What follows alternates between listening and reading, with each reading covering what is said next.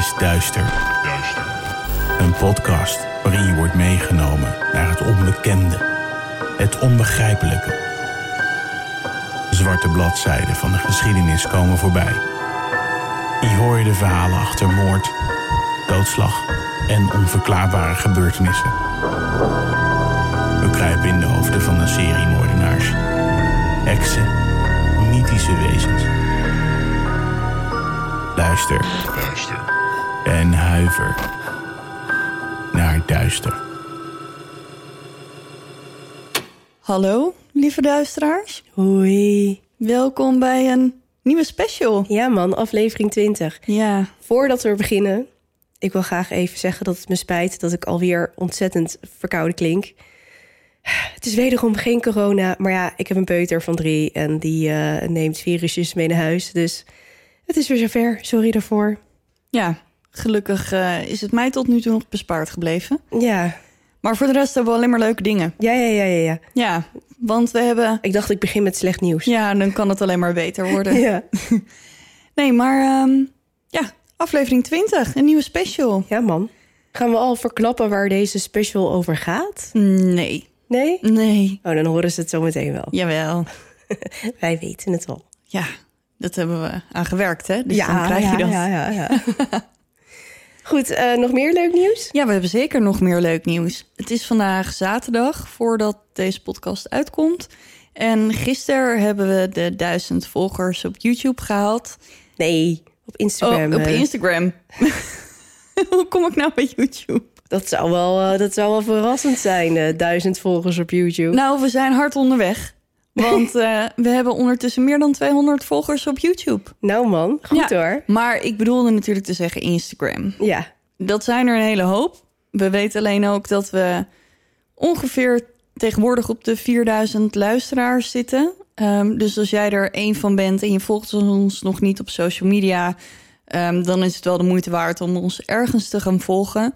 Ja, en soms geven we nog net een beetje extra info die niet in de podcast zat, waar we geen tijd meer voor hadden of zo. Ja, Maar wat wel heel leuk is om eh, te lezen of te weten of interessant. Of... ja en je kan daar bijvoorbeeld eh, ons bekijken. Kan voor mensen ook. die benieuwd zijn hoe wij eruit zijn, Mhm. zien eh, wie wie is. We hebben een Q&A staat erop. Ehm, wat hebben we nog meer? De duct tape test. Ja, die is ook leuk. Ja, Al zeggen Dus- we het zelf. Ja, hè? ik vond het in ieder geval heel leuk. Ik ben net hersteld van mijn polswond. Omdat ik natuurlijk mijn vel daaraf had getrokken. Ja. Maar ehm, nee, maar superleuk. Ik ben jullie heel erg dankbaar ook. Dat, Oh ja? jullie, eh, dat jullie ons allemaal volgen en het zo leuk vinden. Want zonder jullie we hadden we aflevering 20 nooit gehaald. Nee, dat is waar. Als we nu nog steeds op de 6,5 luisteraar hadden gezeten, dan... eh, Oh, kijk nou! Het, Nou spook, ja, het spook en champagne. ik denk, wat gaat die nou doen? Ik ook. Normaal, normaal worden we altijd heel boos als hij in één keer rond gaat lopen. want dat mag natuurlijk niet. Maar hij heeft gewoon... Oh, hij gaat hem ploppen, denk hij gaat ik. hem ploppen. Yay! Nou, gefeliciteerd met de twintigste hoor. Gefeliciteerd. Oh, dat vind ik heel lief van het spook. nou, absoluut. Zit, Ik net aan de, dat zit ik net aan de thee met honing? Ja, ik neem ook wel aan dat het eh, alcoholvrij is. Dat denk ik wel. Ja, ik moet nog rijden. Dat was behoorlijk zwanger. Nog steeds. Oeh, ik hoor het eh, in mijn koptelefoon. eh Daf heeft er glas. Ik hoor het sisselen in mijn oren. Sisselen? Nou, cheers. Ja, proost man. Proost. We kunnen niet, niet Klinken, want we zitten te ver weg, We zitten maar- te ver weg. Oh, daar. Ja. Dat was het spook. Want ook zonder het spook ehm, Zijn we nergens. Zijn we nergens. Nou, even een slokje, zo, Ja. maar snel. Hoor. Mm.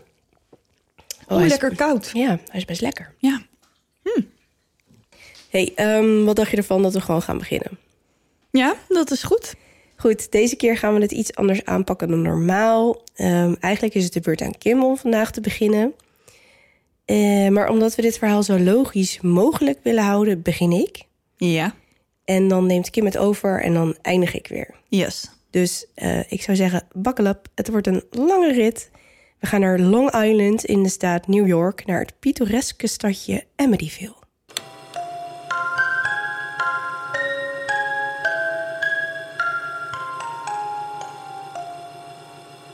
Ik wilde graag eerst eventjes een beetje eh, vertellen over het stadje zelf. Dan krijgt iedereen een beetje een idee waar we Waar het zich afspeelt. Waar het zich afspeelt, inderdaad. Long Islands eerste bewoners zijn de Indiaanse Montauk-stam. Het gebied waar Emily later gesticht zal worden, zien zij als verdorven. Hoezo? Dat ga ik je nu vertellen. Fijn.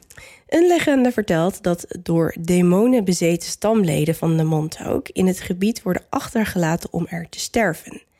Eenmaal dood worden zij met het gezicht naar beneden begraven, zodat zij tot in de eeuwigheid in het donker moeten staren. Nou zeg. Lekker hè? Ja.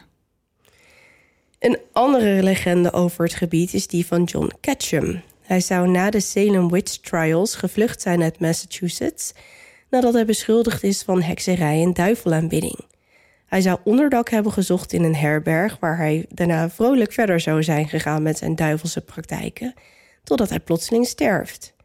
De lokale bevolking weet niet wat ze met zijn onreine ziel aan moeten en begraven hem in een ongemarkeerd graf ergens in de bossen. Altijd een goed idee. Nee, niemand weet of John Ketchum echt bestaan heeft, alhoewel daar wel aanwijzingen voor zijn.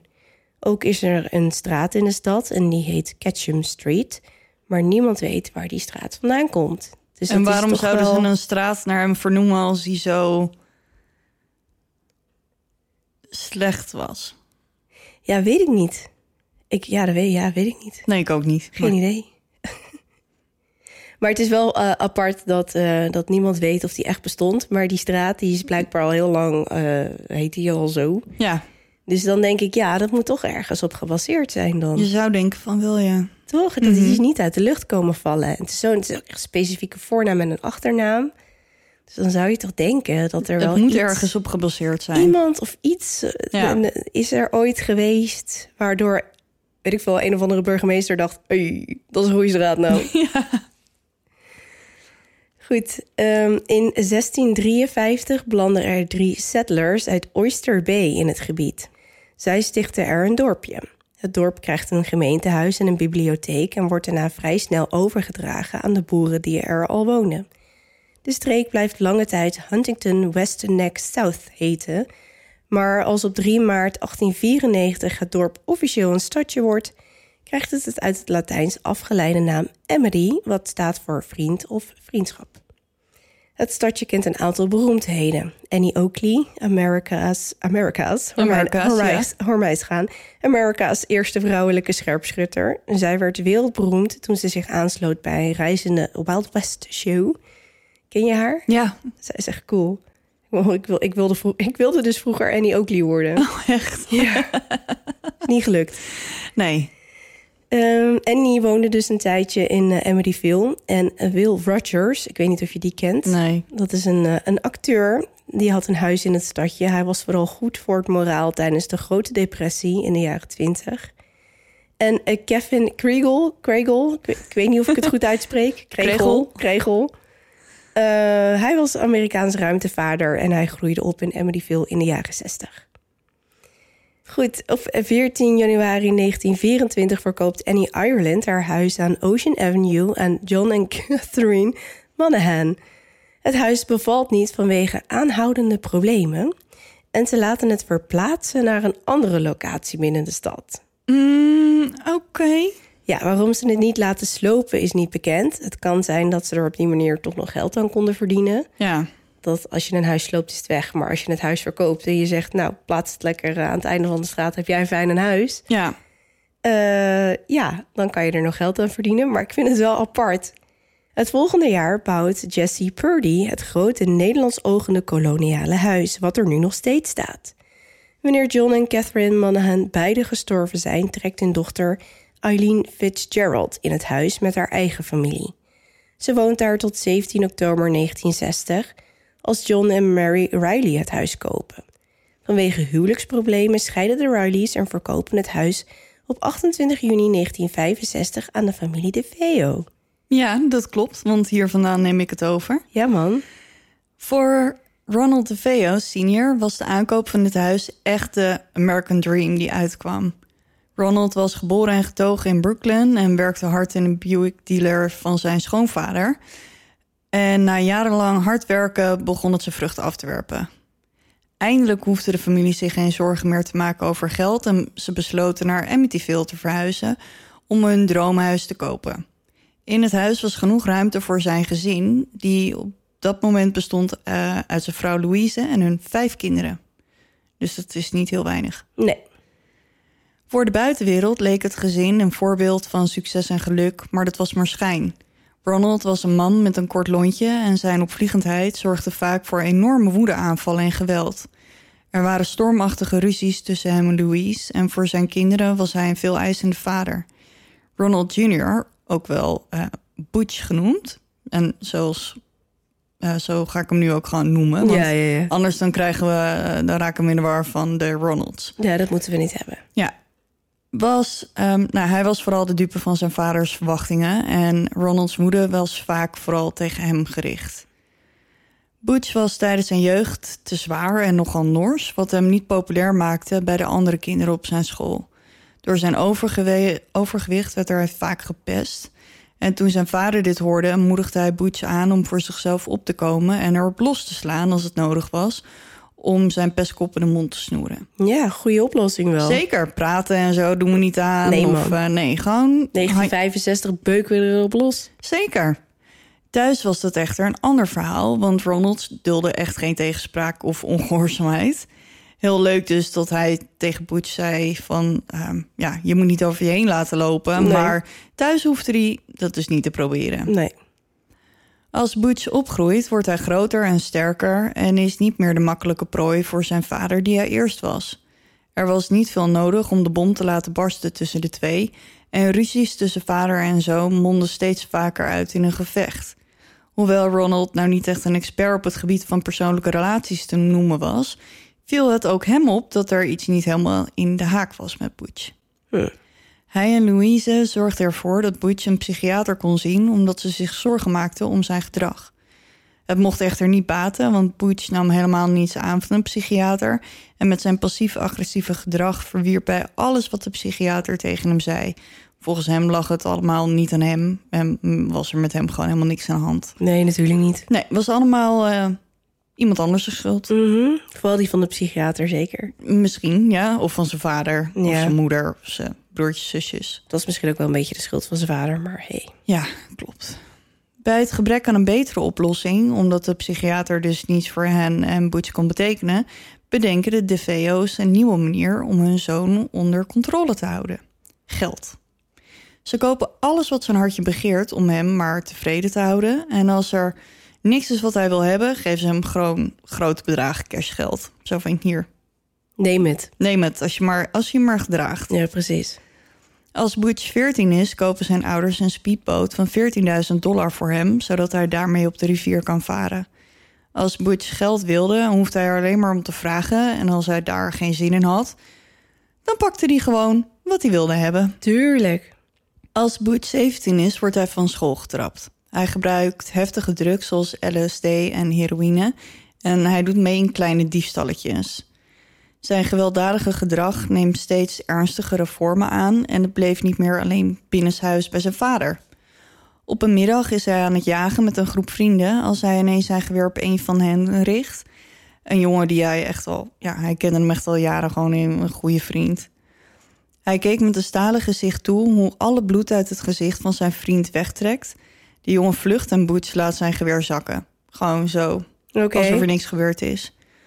Als hij later op de dag met die groep vrienden ergens anders is, komen ze die vriend weer tegen en Butch vraagt hem nonchalant waarom die ineens verdwenen was. Ja, ja, ja. Ehm, omdat je hem onder schot hield? Ja. Misschien, misschien hè? Het is maar een ideetje. Ja. Als hij 18 is, krijgt hij een baan bij de Buick-dealer van zijn opa, waar zijn vader ook werkt. Volgens hem was het een luizenbaantje waar weinig van hem verwacht werd. Of hij nou wel of niet opkwam dagen, aan het einde van de week krijgt hij cash betaald van zijn vader. Tuurlijk. Ja, en ik kan me zo voorstellen dat als hij wel opkwam dagen, dat hij dan gewoon nog steeds niets deed. Het geld dat hij kreeg, gaf hij uit aan zijn auto, die hij ook van zijn ouders had gekregen. En Buick? Weet ik niet. Dat, Maar dat als dus autoverkoper moet je toch gewoon targets halen en zo? Hij niet. Oh. Nee, dat bedrijf is van zijn opa. Dus Oh ja. Ja, en zijn vader heeft daar ook een dikke vinger in de pap. Dus Ik denk dat hij gewoon meer een soort van bezigheidstherapie Aanwezigheid. eh, plicht ja, had. ja, maar ook, daar hield hij zich niet aan. Dus hij gaf zijn geld uit aan, eh, aan zijn auto, alcohol en drugs zoals speed en heroïne. Het wordt wel steeds heftiger. Ja, je kan niet echt zeggen dat het er beter op wordt in ieder Nee. geval. De ruzies met zijn vader kwamen steeds vaker voor en werden steeds gewelddadiger. Op een avond brak er een ruzie uit tussen zijn vader en zijn moeder. Om er een eind aan te maken liep Butch de trap op naar zijn kamer, pakte zijn jachtgeweer, laadde het met een patroon en stormde weer naar beneden. Zonder te aarzelen richtte Butch het geweer op het gezicht van zijn vader en zei... Laat die vrouw met rust, dikke lul. Dit is het einde. Ja, Oké. Ja. Ja, top. ik weet niet of de ruzie ook uiteindelijk gestopt is. Door dit, ehm, Dat eh, weet ik niet, maar eh, ik ben benieuwd hoe dit afloopt. Ja, nou, Butch haalde de trekker over, maar op de een of andere manier was er iets mis met het geweer en het ging niet af. En Ronald verstijfde op zijn plaats en keek vol verbazing toe hoe zijn zoon de trekker overhaalde. Het geweer vervolgens liet zakken en alsof er niets gebeurd was, de kamer uitliep nadat hij zijn vader bijna in koele bloeden had vermoord. Oké. Ja. Maar dit gevecht was dan wel voorbij. Maar later leek het een voorteken van het geweld dat hij niet alleen tegen zijn vader zou gebruiken, maar tegen zijn hele gezin. In de weken voordat het noodlot toeslaat voor de familie De Veo, bereikt de relatie tussen Ronald en Butch een breekpunt. Butch, die blijkbaar vond dat hij niet genoeg tussen aanhalingstekens verdiende bij zijn Oh. vader, bedacht een plan om zijn familie nog meer geld afhandig te maken. Op een dag kreeg hij de opdracht van iemand van het personeel van de dealer om geld te storten bij de bank. 1800 dollar cash en 20.000 dollar aan checks. Checks? Checks. Je weet wel van die dingen Ja, ja, ja, die ja. je Die je moet, zo'n eh, papiertje. ja, ja, ja, dan moet je naar de bank en dan... Ja, eh, en dan- ja. Dat dus. Butch zag een mooie kans, dus hij gaat naar de bank om het geld te storten... samen met een collega, geloof ik. Onderweg naar de bank wordt hij beroofd Niet. Door een van zijn vrienden... die hij beloofd heeft dat ze het geld zouden delen. Wat is dat nou? Ja, Gezellig. ja. Als ze twee uur later bij de dealer terugkomen... vertellen ze dat ze beroofd zijn door iemand met een pistool... die ze overviel terwijl ze op een eh, rood licht stonden te wachten. Ronald, die ook aan het werk was toen Butch terugkwam... ja, die werd natuurlijk vreselijk boos. Want Mhm. er gaat gewoon nou, bijna 22.000 dollar zo vloep weg. Ja, dat lijkt me ook best Ja, wel, eh, ook, ja, ook al is er geld genoeg, dan is dit natuurlijk wel een beetje een, eh, een domper, eh, ja, zeg maar. ik zou ook pissig zijn. Maar goed, en dan heb je natuurlijk ook nog de geschiedenis van Butch. Ik bedoel, als dit mij zou overkomen, dan zou het echt heel lullig zijn. Ja. Maar als je Butch bent en het gebeurt jou, dan ja, dan wel een beetje gek. Ja, een beetje gek. Dus Ronald die, school, die schold de collega die Butch de opdracht had gegeven het geld te storten de huid vol en belde de politie. Als de politie komt, willen ze uiteraard Butch ondervragen. En dat snap ik ook wel van Ronald. Want ik neem aan dat al die mensen binnen dat bedrijf ook wel begrepen hebben dat Butch niet helemaal betrouwbaar is. Nee, Had het lekker zelf gedaan of zo. ja. Je zou verwachten dat Butch zich aan het eh, berovingsverhaal houdt, maar dat doet hij niet. Hij kon geen beschrijving geven van de overvaller en zijn hele verhaal zit vol met gaten. Hij wordt steeds geïrriteerder. Als de politie begint te vermoeden dat hij tegen ze zit te liegen en hun vragen daarop aanpassen, wordt hij ronduit gewelddadig. Ze concentreren zich op de twee uur dat hij weg was, want waarom blijf je twee uur weg als je beroofd bent? Je zou zeggen dat je dan nou, zo snel mogelijk terugkomt. Want hè, pap, hè, ik heb net 22.000 dollar verloren. Ik ben beroofd. Iemand heeft een pistool tegen mijn hoofd aangehouden. Dus ik, heb, ik heb op, op het politiebureau gezeten of zo. ja, of weet ik of veel. zoiets. Of ik heb gelijk aangifte gedaan. Ja. Maar hij is dus gewoon twee uur spoorloos. En na twee uur komt de politie dus ook pas. Als hij terugkomt bij de dealer.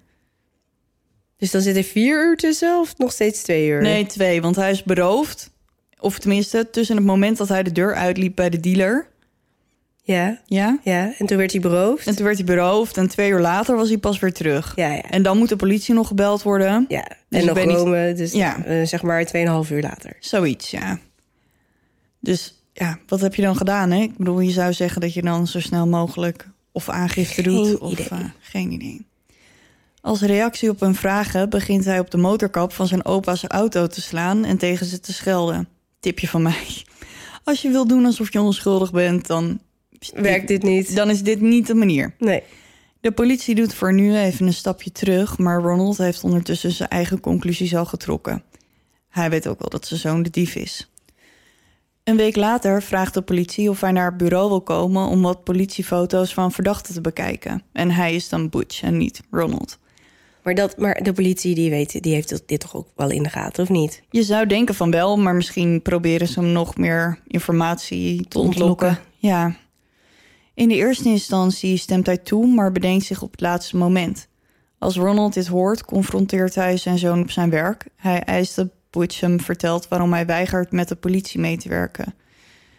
En dan schreeuwt hij naar Butch, quote... Je hebt de duivel op je rug, jij. En einde quote. Butch aarzelt geen moment en zegt... Ik vermoord je, vet varken. Wat? Ja, daarna rent hij naar zijn auto en stuift weg. We gaan nu naar 13 november 1974. Iedereen was al naar bed behalve Butch. Hij loopt naar zijn kamer, pakt zijn kaliber 35 Marlin geweer en loopt naar de kamer van zijn ouders. Zachtjes duwde hij de deur open en kijkt even naar zijn ouders hoe ze liggen te slapen. Dan zet hij het geweer tegen zijn schouder en haalt de trekker over. Het eerste schot komt in zijn vaders rug terecht, die daarna in zijn nek. Nog geen paar seconden later richt hij op zijn moeder en schiet twee keer op haar. De ene kogel verbrijzelt haar ribber en de andere komt in haar long terecht. Ondanks het lawaai van de geweerschoten wordt niemand in het huis wakker. Ja, bizar is, vind ik dat. Ik heb natuurlijk ook een beetje gelezen over dit verhaal. Ja, Maar ook niemand. nee, maar ik kom later nog hier even Mhm. op terug. Tevreden met de dood van zijn ouders gaat Butch verder naar de volgende kamer. De kamer van zijn twee onschuldige jongere broertjes, Mark van 12 en John van 9. Ook hen schiet hij dood. Ieder jongetje wordt doodgeschoten met één kogel die een kleine lijfje doorboort. Maar Butch is nog steeds niet klaar. Hij gaat verder naar de kamer van zijn zusjes. Ook hen schiet hij dood. Het was ongeveer kwart over drie s'nachts toen Butch begon met zijn killing spree. Binnen een paar minuten had hij zijn hele familie in koede bloeden vermoord. De hond van de DeVeo zat buiten vastgebonden en blafte als reactie op alle schoten. Niet dat dat Butch wat deed, die begon gewoon met het opruimen van zijn zooi. Hij nam op zijn gemakje een douche, werkte zijn baard bij en trok zijn kleren en werkschoenen aan. Nadat hij klaar was met zichzelf te fatsoeneren, verzamelde hij zijn bebloede kleren en zijn geweer, stopte alles in een kussensloop en stapte in zijn auto. Hij reed naar zijn werk en onderweg gooide hij eh, de kussensloop met dus al het bewijs weg. Om zes uur 's ochtends komt hij bij de dealer aan en gaat aan het werk. Tussen aanhalingstekens. Zes uur 's ochtends? Ja, ik kan me niet voorstellen dat hij ooit eerder om zes uur op zijn werk is verschenen. Nee, maar dat is wel apart. ja, dus nu moet hij alleen nog een alibi voor zichzelf zien te creëren. Maar het lijkt erop dat deze jongen dit gewoon in een complete eh, act of lunacy, zeg maar, heeft gedaan. En daarna pas ging denken, yo, hoe ga ik dit eigenlijk eh, verklaren? Ja, ja, en daar neemt hij op zijn gemakje de tijd voor ook. Ronald Senior komt niet opdagen op zijn werk, dus Butch belt als de vermoorde onschuld een paar keer naar huis om zogenaamd uit te zoeken waar zijn vader is. Tuurlijk. Hé, hey, pap, je bent niet op je werk. Waar ben je? Waar ben je? Oh, daar neemt niemand op. Nou, wat gek. Heel gek. Zo gek. Mijn moeder neemt niet op. Mijn broertjes zijn niet thuis. Mijn zusjes zijn niet thuis. Na een paar uur verveelt hij zich, want hè, je, het is niet alsof hij iets te doen heeft op zijn werk. Niemand in het bedrijf kijkt er ook raar van op, aangezien hij toch vaker niet dan wel is. Hij belt zijn vriendin Sherry Klein dat hij vroeg klaar is met werken en dat hij even langskomt om haar te zien. Schattig, hè? Nou, heel. En onderweg naar huis komt hij zijn vriend Bobby Kelski tegen. En de twee die kletsen even. Die. Gewoon even, Ja, gewoon even gezellig. een eh, friendly chat. Ja. Butch komt om ongeveer half twee bij het huis van Sherry aan. Sherry is 19 jaar oud en een serveerster bij een van de kroegen waar Butch vaak met zijn vrienden hangt. Ik weet trouwens niet of ik het al gezegd heb, maar Butch is op dit moment 23. Nee, had je nog niet gezegd. Oké, nou, Butch is dus 23.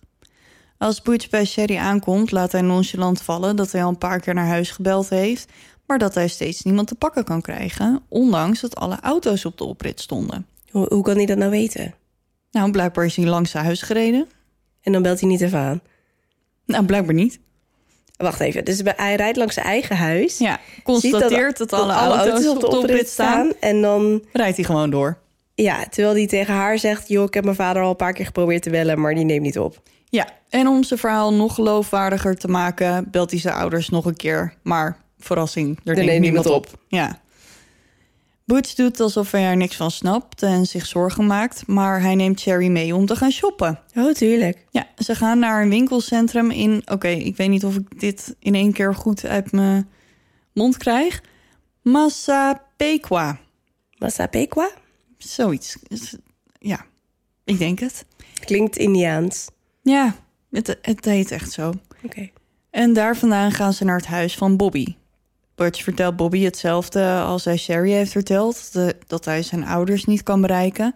En dat de auto's gewoon op de oprit staan. En blijkbaar kan hij om de een of andere reden zijn huis ook niet in. Dus of volgens mij heb ik ergens gelezen dat, dat hij zijn sleutel verloren was. Maar ik weet niet of dat echt zo was. Of Ja, nou ja, sorry, het was ik sowieso. trek een heel ingewikkeld hoofd. Ja, nee, maar het was sowieso niet echt natuurlijk. Maar ik weet niet wat precies de reden was dat hij zei dat hij zijn huis niet in kon. Ja, ja, hij moest gewoon een reden hebben dat hij niet al eerder Ja, is gaan kijken. is gaan kijken bij zijn ouders en dan denkt: oh my god, ze zijn allemaal dood. Ja, want die zeggen waarschijnlijk hetzelfde als dat jij hebt gezegd. Ja, maar als je er langs gereden bent, waarom Ja. ben je dan niet even ges- gestopt, Gestopt. om te kijken Ja. of er... eh, Al snel laat Butch het onderwerp voor wat het is en vraagt Bobby of hij nog uitgaat die avond. Bobby zegt dat hij nog even gaat slapen en daarna naar Henry's gaat, een populaire bar in de buurt. Als Butch zin heeft om mee te gaan, is hij welkom en Bobby is er dan rond een uur of zes. Butch brengt de rest van de dag door met het bezoeken van vrienden, drinken en heroïne gebruiken. Tuurlijk. Ja, want wat doe je anders op je vrije dag? Nou, ik kan wel wat leukers bedenken, maar oké. Ik ook, maar dit is Butch blijkbaar ja, zijn eh vrije tijdsbesteding. Om zes uur komt hij bij Henry's aan en Bobby volgt niet veel later. Hij spreekt nogmaals zijn zorg uit over zijn familie en zegt tegen Bobby... Ik moet naar huis en ik zal een raam moeten breken om binnen te komen. Bobby boeit het niet zoveel, dus hij zegt... Nou, doe lekker wat je niet laten kunt. Dus Butch ko- gaat naar huis. Want in één keer denkt hij... Nu ga ik ja, toch maar eens nu- een keer nu kijken. huis, ja, ja. Misschien heb ik nu zoveel alibi gemaakt... dat het dan nu wel kan. Een paar minuten later komt hij de kroeg binnen gestormd... en schreeuwt tegen Bobby... Bob, je moet me helpen. Iemand heeft mijn ouders neergeschoten. Oh my god, Oh, echt. wat een drama. Het is dramatisch. Ik was het niet. Ja, en natuurlijk, het, laten we k- duidelijk zijn... natuurlijk was het een drama. Ja, ja, ja. ja. Het was echt een drama, Zeker, want er is zeker. natuurlijk in één keer een heel gezin vermoord. Maar de manier waarop Butch dit aanpakt, dat, dat is ook eh, meer is eh, bijzonder. soort van ergernis over deze hele jongen dan, eh, dan dat het niet een drama impliceert. Maar Ja, sommige mensen zijn gewoon zo wacko of zo. Ik weet niet hoe ik het anders moet zeggen. ja, daar is niks aan En daar, daar word ik altijd een beetje pissig van. Dat weet ik. Denk om je bloeddruk. Ja, sorry. Zal ik maar gewoon verder gaan? Ja. Dan zijn we er ook weer zo snel mogelijk vanaf. Butch en Bobby gaan samen met een paar andere mannen uit de kroeg naar het huis van Butch. Ondertussen is het al bijna 15 uur geleden dat de moorden worden gepleegd. Als ze bij het huis aankomen, gaat Bobby het huis binnen en race naar boven naar de slaapkamer van Ronald en Louise. Als hij weer beneden komt, staat Butch buiten, overmand door verdriet. Oh, tuurlijk. Ja, Joey Yeswit, een van de mannen die mee was gekomen, heeft ondertussen de telefoon in de keuken gevonden en belt de politie.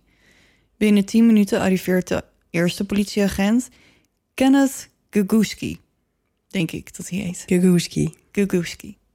Als hij aankomt, treft hij een groep mannen aan in de voortuin. En Butch was een van hen en hij staat te janken. Mijn vader en mijn moeder zijn dood, zei hij tegen de agent. Dit is een quote, ergens vandaan, uit een artikel. Echt hoor. Kenneth gaat het huis binnen en gaat gelijk naar boven. Als eerste vindt hij Ronald en Louise en daarna Mark en John. Als hij beneden komt, belt hij met de telefoon in de keuken naar het hoofdbureau. Butch zit aan de keukentafel te huilen. Hij luistert terwijl Kenneth zijn bevindingen rapporteert aan het hoofdbureau. En als hij hoort dat zijn broertjes ook dood zijn, attendeert hij de agent erop dat hij ook nog twee zusjes heeft. Oh, Ja. Kenneth hangt op en loopt weer naar boven, waar hij samen met Edwin Tyndall, een agent die net aangekomen is, de lichamen van Allison en Dawn vindt. Dat zijn dus de zusjes. Mhm. Er was een forensisch onderzoeker voor nodig om uit te vogelen waar de meisjes pre- eh, precies beschoten waren en met wat voor wapen. Er was zo vreselijk veel bloed dat het op het eerste gezicht helemaal niet te zien was. Nee, ik heb de foto's gezien. Mhm, Dat was eh, vrij dramatisch. Dat klopt, ja. Ik- Ga je ze uploaden op de site? Of ik is denk het te heftig? niet. Nee, ik denk dat als je het wil zien, dat je ze kan googlen. Mhm. Ehm, en natuurlijk doe ik wel foto's. En er zijn ook minder schokkende foto's die ik dan wel gewoon gebruik. Maar als je echt deze foto's wil zien, dan moet je zelf even een rondje speurwerk doen. Dat lijkt me inderdaad beter. Want het was, eh, het was vrij heftig, eh, zeg maar. Ja, dat klopt. Even na zevenen gonst het door de buurt dat er een vreselijke moordpartij heeft plaatsgevonden. Het huis wordt overspoeld door agenten en onderzoekers en in de voortuin en op straat staat het vol met ramptoeristen. Detective Gaspar Randazzo, denk ik. Gaspar heet hij. Is de eerste die Butch ondervraagt. Ze zitten in de keuken van het huis terwijl het om hem heen krioelt van de politiemensen als hij Butch vraagt wie dit gedaan zou kunnen hebben. Butch aarzelt even en zegt Louis Fallini. Louis Fallini is een beruchte maffia-huurmoordenaar en Butch zegt dat hij wrok tegen ehm, hem koesterde na ruzie twee jaar eerder. Oké. Daar heeft hij dus ook al over nagedacht. Ja, ja. Hm. Ze zetten de ondervraging voort in het huis van een buurman waar een commandocentrum is opgezet. Detective Gerard Gozalov heeft zich ondertussen bij ze aangesloten en omdat ze de theorie dat er een huurmoordenaar activist niet gelijk uit kunnen sluiten, nemen ze Butch mee naar het bureau om hem daar veilig te houden. Want in, op- er is nu nog geen reden om aan te nemen dat Butch hier iets mee te maken nee, heeft. voor hetzelfde geld is, is hij wel doelwit van Ja, een of andere dus maffia dat moet je niet hebben. Nee, dan wordt hij als enige overlevende straks ook nog vermoord op straat. Ja, daarom. Eenmaal op het bureau gaat de ondervraging van Butch verder. Er is inmiddels een derde detective bijgekomen. Jongens, daar komt hij. Joseph Ah, Napolitano. Napolitano, dat klinkt als een pizza. Ja, ja, maar we hebben weer een Joseph. Ja. We worden echt achtervolgd door de Josephs. Ja, man. Ik heb nog nooit een Joseph gehad. Niet? Nee. Ik, ik kom echt om. Jij, hebt jij bent echt 15 Josephs verder, denk ik. Ik denk het wel, ja. Ja. Misschien wel meer. Butch geeft hier zijn eerste geschreven statement.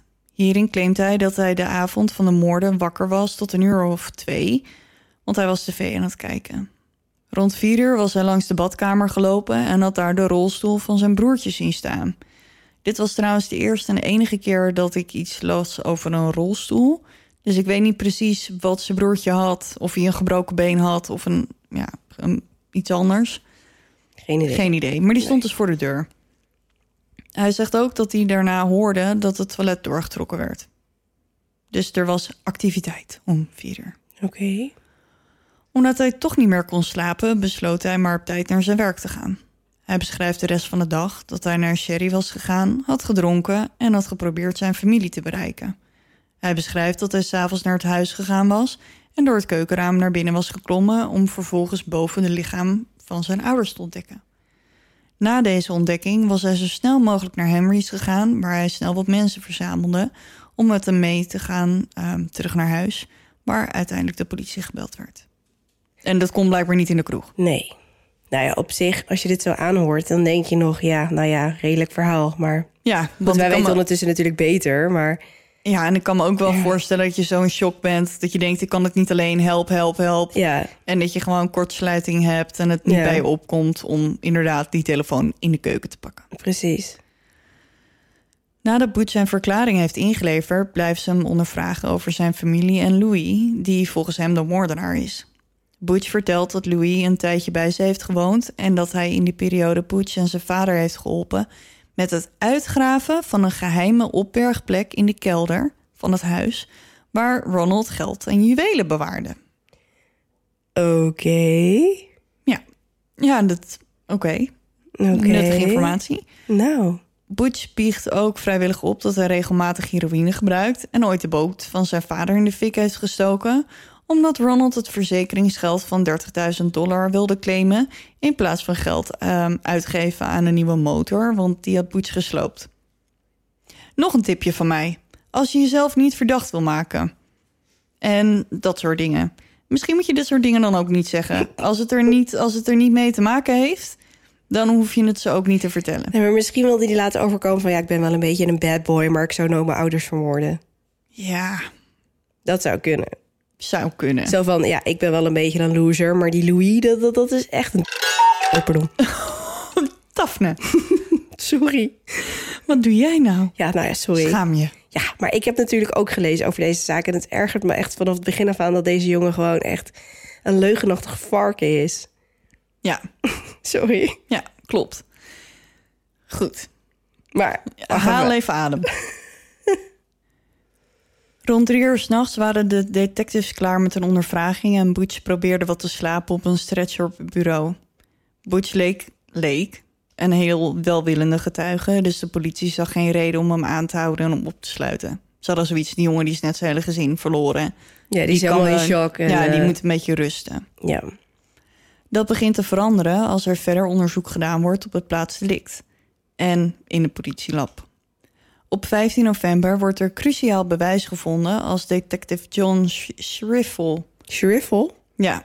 Wat een ingewikkelde naam heb jij de hele tijd. Oh, wacht, het is Schriffel. Het wordt hier niet veel beter op. Nee. Maar ik moet wel lezen wat er staat. Hij loopt ehm, nog een laatste rondje door het huis. Oké. De kamers waar de moorden werden gepleegd waren grondig onderzocht. En omdat Butch nog niet als verdachte werd gezien, werd er nou, eigenlijk niet zoveel tijd aan zijn kamer besteed. Want hij was eigenlijk ook gewoon een slachtoffer. Als John nog een kijkje neemt in de kamer van Butch, deze keer grondiger, valt zijn oog op twee langwerpige kartonnen dozen. Alle twee met een label wat beschrijft wat erin zit. Marlin geweren. Een kaliber 22 en een kaliber 35.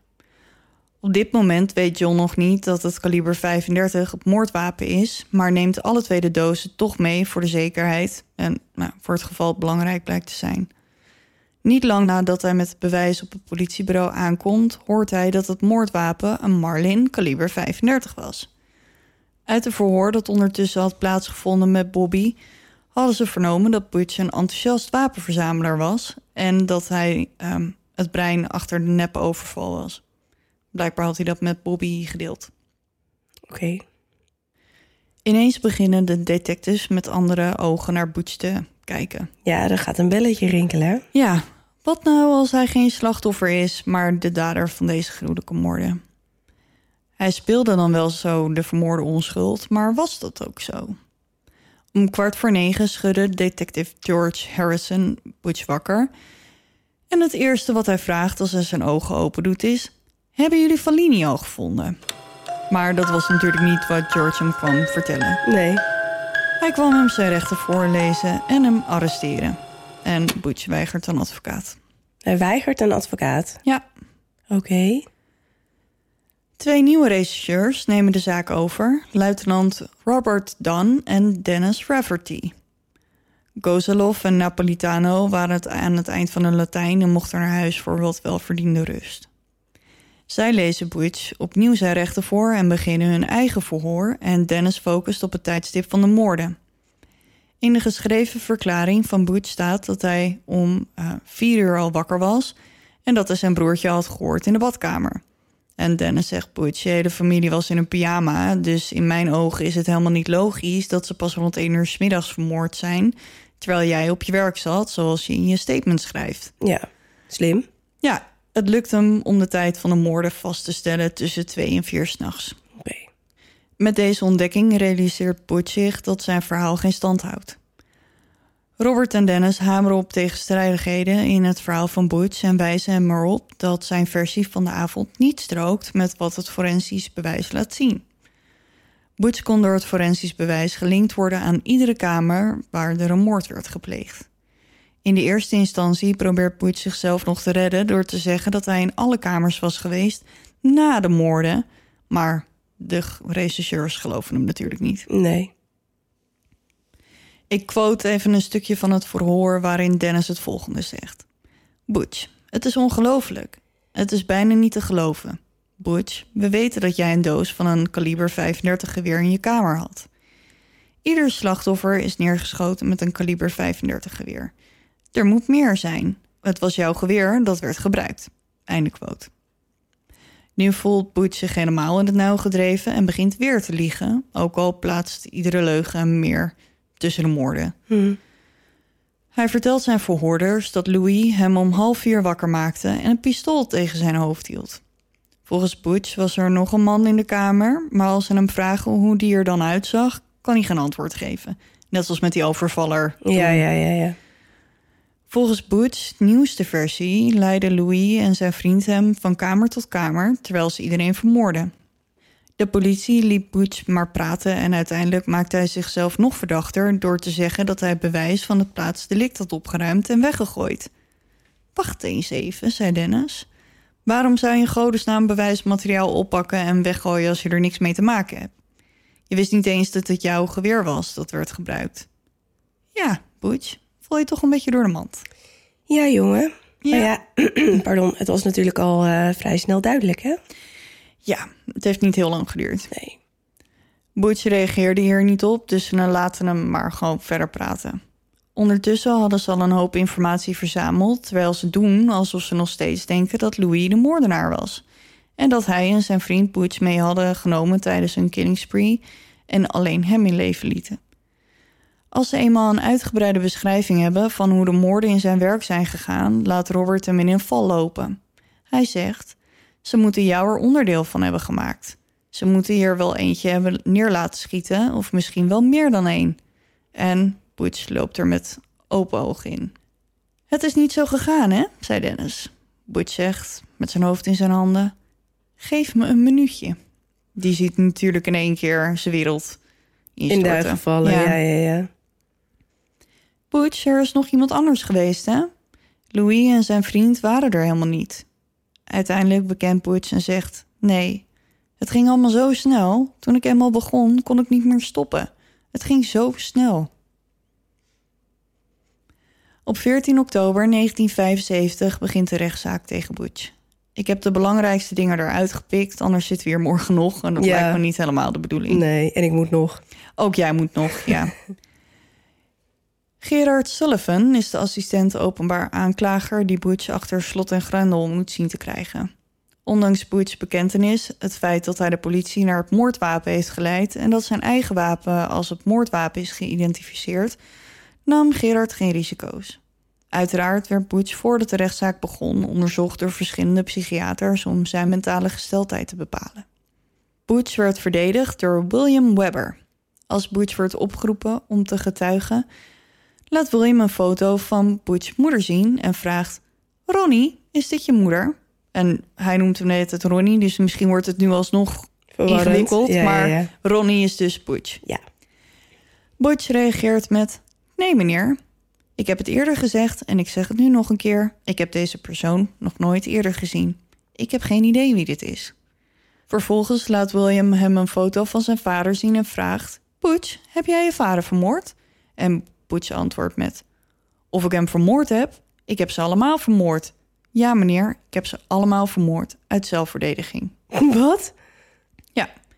Juryleden happen naar adem en Gerard Sullivan probeert zijn gezicht in de plooi te houden. William gaat verder en vraagt waarom Butch het gedaan heeft. Butch antwoordt met: Wat mij betreft zit het zo. Als ik mijn familie niet had vermoord, hadden ze mij vermoord. En wat mij betreft is wat ik deed zelfverdediging en daar is niks mis mee. Als ik een wapen in mijn handen heb, dan is er geen twijfel mogelijk over wie ik ben. Ik ben God. Oké, nog een met een godcomplex dus. Ja, Net zoals de eh, ex-moordenaar eh, ja. in New Orleans. Ja, misschien. Ik, eh, hij zegt het. Bestaat dat trouwens? Ik zeg dat wel hoor, maar ja, volgens mij bestaat een dat. godcomplex. Ja, En dan denk wel. je dat je God bent. Ja, dus boven de rest van de mensheid staat of zo. Ja. Oké. We kunnen het voor de zekerheid nog even eh, aan het spook vragen. Ja, Spook, we- wil je dat even eh, onderzoeken?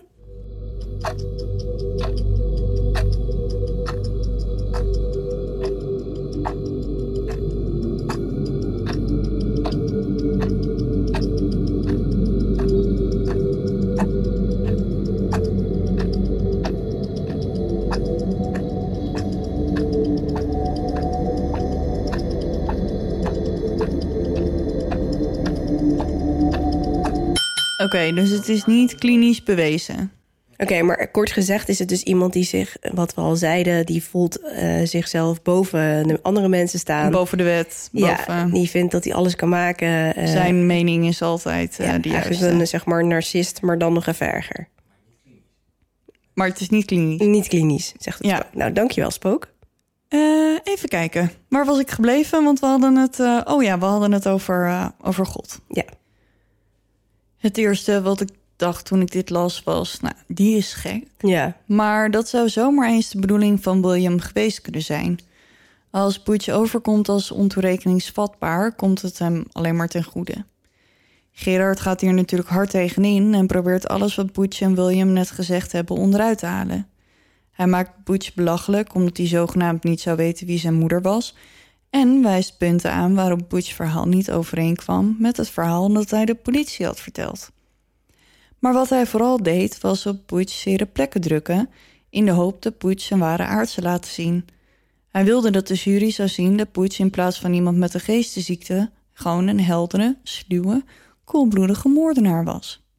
Hij vraagt Butch, voelde je je goed op dat moment? En Butch reageert met... Ja, meneer. Ik geloof dat het heel erg goed voelde. Gerard vervolgt... Is dat omdat je wist dat ze allemaal dood waren? Omdat je ze allemaal twee keer beschoten had? Butch, ik weet niet waarom. Eerlijk gezegd kan ik dat niet beantwoorden. Gerard, herinner je je dat je blij was? Butch, ik kan me niet herinneren dat ik blij was. Ik herinner me dat ik me heel goed voelde. Heel goed. Gerard blijft nog een beetje op Butch knoppen drukken... totdat hij hapt en door de rechtszaal schreeuwt... Jij denkt dat ik een spelletje speel. Als ik enig gevoel had, en dat heb ik niet... zou ik nu naar je toe komen en je ter plekke vermoorden. Hm. Ja. Hoe hard Gerard ook zijn best had gedaan... hij wist dat het geen gelopen race was. Het zou zomaar eens kunnen dat de jury Butch niet schuldig zou bevinden. In de eerste instantie kwam de jury terug met 10 tegen 2. 10 voor schuldig, 2 tegen. Nadat ze de transcriptie van de getuigenis van Butch nogmaals hebben doorgelezen, komt dan toch het verlossende antwoord. Butch werd schuldig bevonden aan zes keer doodslag. Twee weken later wordt hij veroordeeld tot 25 jaar tot levenslang in de gevangenis. Maar dan zijn we er nog niet. Nee, ik weet het.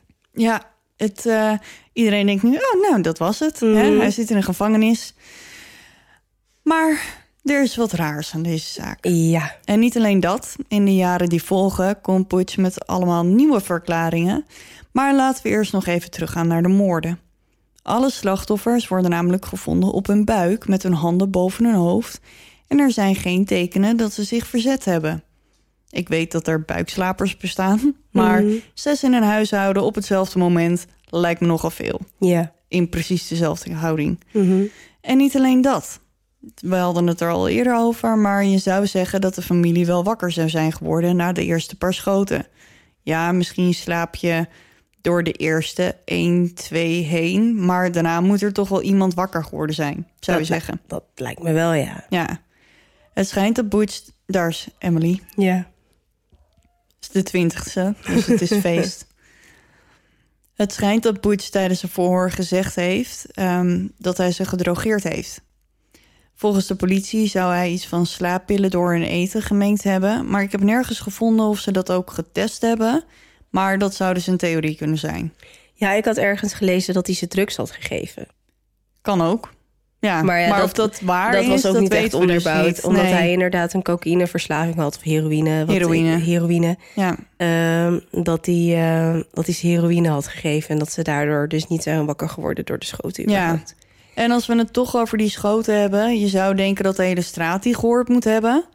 Volgens mij hebben ze het getest en kan je drie tot vier straten verderop kon je die schoten horen. Ja, ik wil daar straks, als ik klaar ben, nog even wat over zeggen. Over dit. Dus dat dat is goed. help me even herinneren. Ik heb namelijk een, ik heb een theorie daarover. Oké, oké. Maar dus niet één van de buren heeft eh, een schot gehoord. En als de politie buurtonderzoek doet, zeggen veel buren dat ze rond die tijd wel de hond hebben horen blaffen, maar verder niks. Dat is toch wel raar. Dat is inderdaad heel raar. Na zijn veroordeling komt Butch in 1986 tijdens een interview met Newsday met de volgende verklaring. Volgens hem was het zijn zus Dawn die zijn vader vermoordde.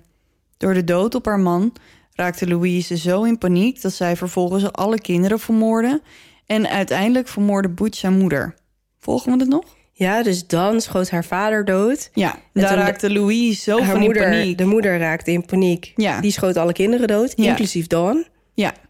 En Butch die dacht, Wacht even, deze moordenares heeft mijn gezin vermoord. Ik vermoord mijn moeder. ja.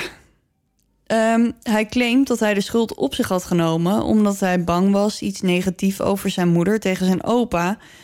Michael Brigante senior en de oom van zijn vader, Pete DeVeo, te zeggen... uit angst dat ze hem zouden vermoorden. De oom van zijn vader Pete is onderdeel van een Genuaanse misdaadfamilie. Wow, echt? Oh, dat Ja. wist ik ook niet. Ja. In dit interview zegt Butch ook dat hij ten tijde van de moord getrouwd was met een vrouw genaamd Geraldine Gates. Of Geraldine Gates. Met wie hij in New Jersey woonde. En dat zijn moeder hem gebeld had en hem gevraagd had naar huis te komen. om een ruzie tussen zijn vader en zijn zus Dawn op te breken. Hij reed naar Amityville met zijn zwager Richard Ramondo. eh, die bij hem zou zijn geweest en zijn verhaal kon bevestigen. Het wordt wel heel ingewikkeld allemaal, hè? Het wordt wel heel ingewikkeld. Ja, en dit, we zijn nog niet klaar. Nee. In 1990 probeert Butch zijn straf teruggedraaid te krijgen en dient een 440 motion in. Ik heb het opgezocht en wat ik ervan begreep is het een motie die je indient die de geldigheid van de straf betwist. Als het verzoek wordt ingewilligd, kan de rechtbank het vonnis ongedaan maken of een nieuw proces toewijzen. Ja, maar volgens mij is dit wat ik de hele tijd bedoel. Alle vorige afleveringen al. Oh, dat zou kunnen, ja. Dat, dat je één kunnen. keer in de zoveel tijd mag je dat dus doen. En dan kun je dus ehm, opnieuw je zaak laten bekijken. En dan Ja. komt er misschien een heel andere uitkomst uit... dan de straf die je op dit moment uitzit. Ja, dus dat kan zijn dat nou, je dit f- bedoelt. fijn dat je het dan toch eh, voor me hebt uh, uitgevogeld. Ja.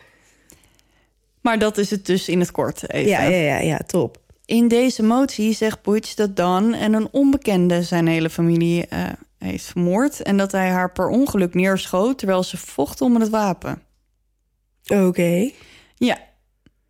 Wederom zou de broer van Geraldine, Richard, hierbij geweest zijn. Ze proberen Richard op te sporen om te getuigen, maar hij is nergens te vinden.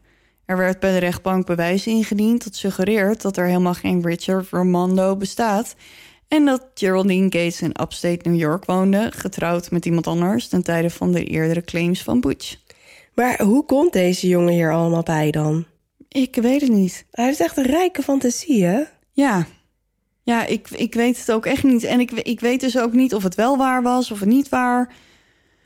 Geen idee. Hm. Ja. We gaan naar 1994. In 1994 zegt Butch in een interview dat de duivel hem opdroeg zijn familie te vermoorden. En dat was het enige eh, nieuwswaardige uit dat, eh, uit dat interview. Op 30 november 2000 ontmoet Butch Rick Osuna, de auteur van The Night Before the De- DeFeo's Died, een boek dat in 2002 gepubliceerd werd. Volgens Rick ehm, heeft hij toen zes uur met Butch gesproken, maar in een brief naar radiohost Lou Gentile ontkent Butch dit. Ja. Oké. Volgens hem heeft hij Rick geen informatie gegeven die gebruikt kon worden in het boek. En is hij gelijk nadat het eh, interview begon weer weggegaan. Ja, ja. Ja. Volgens Rick hebben ze elkaar dus wel gesproken. En volgens hem heeft Butch hem verteld dat hij de moorden pleegde met zijn zus Dawn en twee vrienden. Augie Ge- DeGenero. En niet DeGeneres van Nee, Ellen. nee, nee, nee. Die overigens ook in de problemen zit op dit moment. Ja, ook dat, ja. Maar dat is weer een heel ander verhaal. Ja. Ehm, en Bobby Kels, eh, de Bobby, De Bobby. de Ja, Bobby, ja, ja. Bobby Kelski, uit wanhoop omdat zijn ouders hem wilden vermoorden. Volgens Butch meedde hij het plan om zijn ouders te vermoorden met Dan na een vreselijke ruzie met zijn vader. Dan vermoordde vervolgens de kinderen, zodat er geen ooggetuigen achter zouden blijven. Hij werd zo boos toen hij daarachter kwam dat hij haar bewusteloos sloeg, op haar bed en haar neerschoot. Oké. Ja, Maar hoeveelste theorie is dit ondertussen? 96. Ik weet Ja. het niet, maar ik ben bijna aan het eind, jongens. Hou nog heel even vol. Als laatste wil ik het nog even hebben over een documentaire die ik heb gekeken, waarin nog een verhaal aan bod komt. Ik weet dat jij precies ehm, dezelfde documentaire heb gekeken. Mhm. Dus jij weet al wat er gaat komen. Mhm. Maar we hebben dus alle twee dezelfde documentaire gekeken als research voor deze special. In de documentaire zeggen ze dat William Webber tijdens de rechtszaak voor ontoerekeningsvatbaar wilde gaan en daarvoor een gesprek met Butch had. Hij vertelt dat Butch hem vertelde wat er op de avond van de moorden is gebeurd. Hij had drugs gebruikt en zat naar een oorlogsfilm te kijken toen hij iets hoorde. Het leek erop dat hij zijn familie in een andere kamer kon horen praten en ze waren bezig een plan te smeden om hem te vermoorden. William Webber vertelt vervolgens dat Butch hem vertelde, soms met een grijns op zijn gezicht, dat er een vrouw met zwarte handen de kamer binnenkwam. Ja. In haar handen had ze een geweer dat ze aan hem overhandigde. Hij pakte het geweer aan en schoot iedereen dood.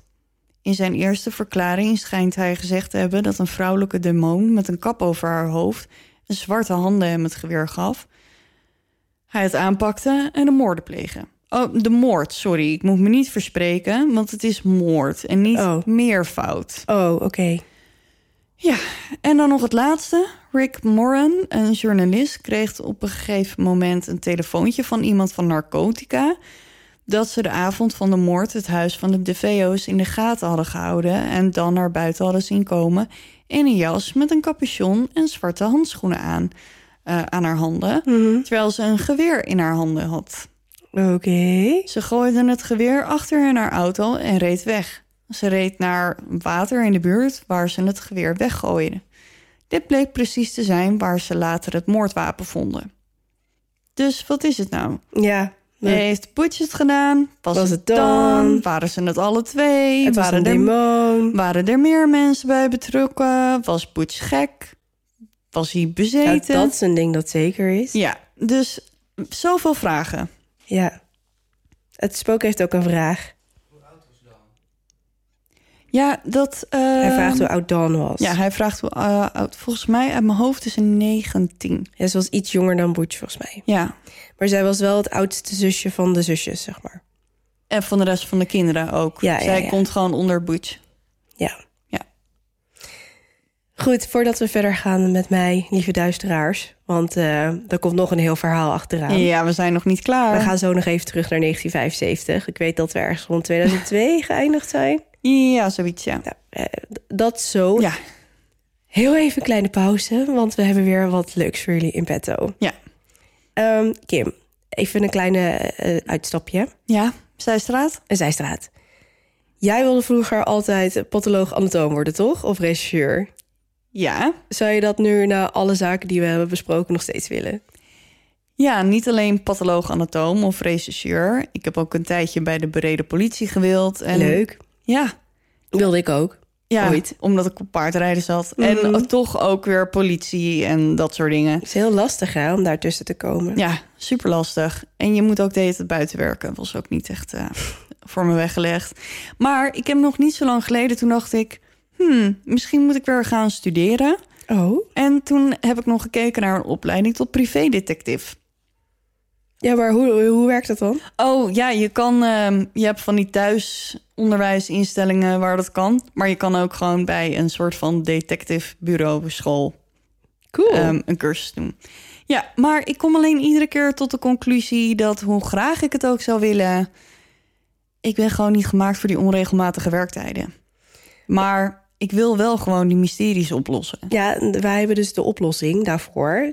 Want ehm, de duisteraars die al vanaf het begin luisteren... weten dat wij al een keer dossier As van een Crimibox hebben mogen weggeven.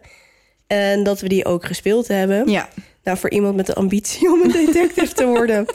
was je nog niet heel sterk. nee, ik was vreselijk slecht. Laten we gewoon eerlijk zijn. Nee, maar het was echt heel erg leuk. Volgens mij is de indicatie dat het spel twee uur duurt. Nou, we hebben er echt heel lang over gedaan. Ja, maar, Maar het is het wel is echt een avondvullend programma. Ja, het was Superleuk. echt heel erg leuk. Het is gewoon een mysterie oplossen zonder dat je de deur uit hoeft. En ehm, Dat is ideaal. ja, Je hoeft niet naar buiten, niet in de kou. geen onregelmatige werktijden. Nee, gewoon lekker in je eigen tijd. En Crimibox heeft niet alleen dossier as, maar nog veel meer spannende boxen waarmee je een echte detective waant. Bekijk de politiefoto's, test bewijs, ga op zoek naar aanwijzingen, ondervraag de verdachte, denk out of the box, om de moordenaar in zijn kraag te vatten. kan een tijdje duren, maar uiteindelijk lukt het. Ja, Je krijgt je eigen virtuele assistent die je helpt de zaak tot een goed einde te brengen. je eigen Watson Ja. krijg je. Goed, en het allerleukste is, is dat wij nu eh 20% korting mogen geven met de code DUISTER... op alle dossiers en boxen van Creamybox. En geloof ons, als je een vette avond wil met je vrienden... dan is dit echt heel leuk. Ja, ik heb toen ook eh Macdad gespeeld. Was ik ook Mhm. heel enthousiast over. Ja, die wil ik nog, in- die wil ik nog wel een keertje doen. Ja, Maar jij hebt hem al gespeeld, hè? Ja. Misschien met mijn moeder of zo. ja.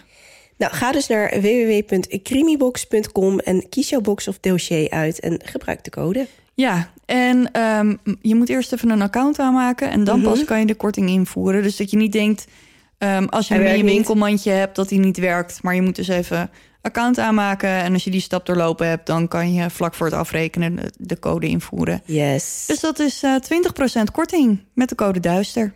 Goed, dan eh, gaan we verder, want dit was niet het einde van deze special. Nee, zeker niet. Nee, want ehm, nadat het huis eh, leeg kwam te staan, trok er een andere familie in het huis en die maakte iets heel engs mee. Ja. Dus jouw theorie over The Devil Made Me Do It, die zou misschien ergens op kunnen slaan. Ben je er klaar voor? Ik ben er zeker klaar voor. Oké. In de zomer van 1975, wel geteld 13 maanden na de gruwelijke moord op de, de Veo-familie. Ik zei het goed, hè? Ja, je zei het goed. ik zei het heel goed, sorry. Zijn George en Kathy Lutz pas getrouwd en op huizenjacht. George, 28 en ex-marinier, runt het beveiligingsbedrijf van zijn familie. Kathy is 30 en heeft al drie kinderen uit een eerder huwelijk. Daniel, pas 10 geworden. Christopher van 7 en Melissa is 5 jaar oud. De Lutz-familie heeft een bescheiden budget, maar hun makelaar stuurt ze toch naar het grote koloniale huis aan Ocean Avenue. Kathy wordt er meteen verliefd op, maar George weet zeker dat ze zich dit enorme huis niet. Kunnen veroorloven. Nee, want het is echt groot. Ja.